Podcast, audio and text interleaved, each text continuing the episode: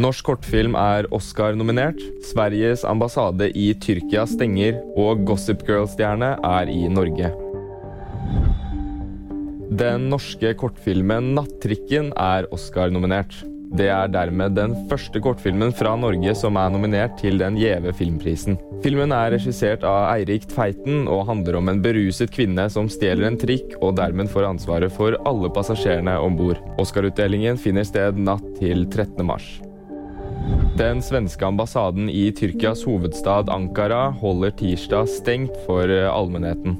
Det har vært store demonstrasjoner utenfor ambassaden denne uka pga. den mye omtalte koranbrenningen i Stockholm på lørdag. Det har vært protester i flere land mot koranbrenningen i Sverige.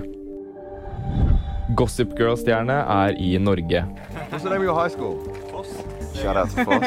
Chuck Bass, eller Ed Westwick som han egentlig heter, er i Norge for å lage musikk og musikkvideo for sitt nyetablerte band.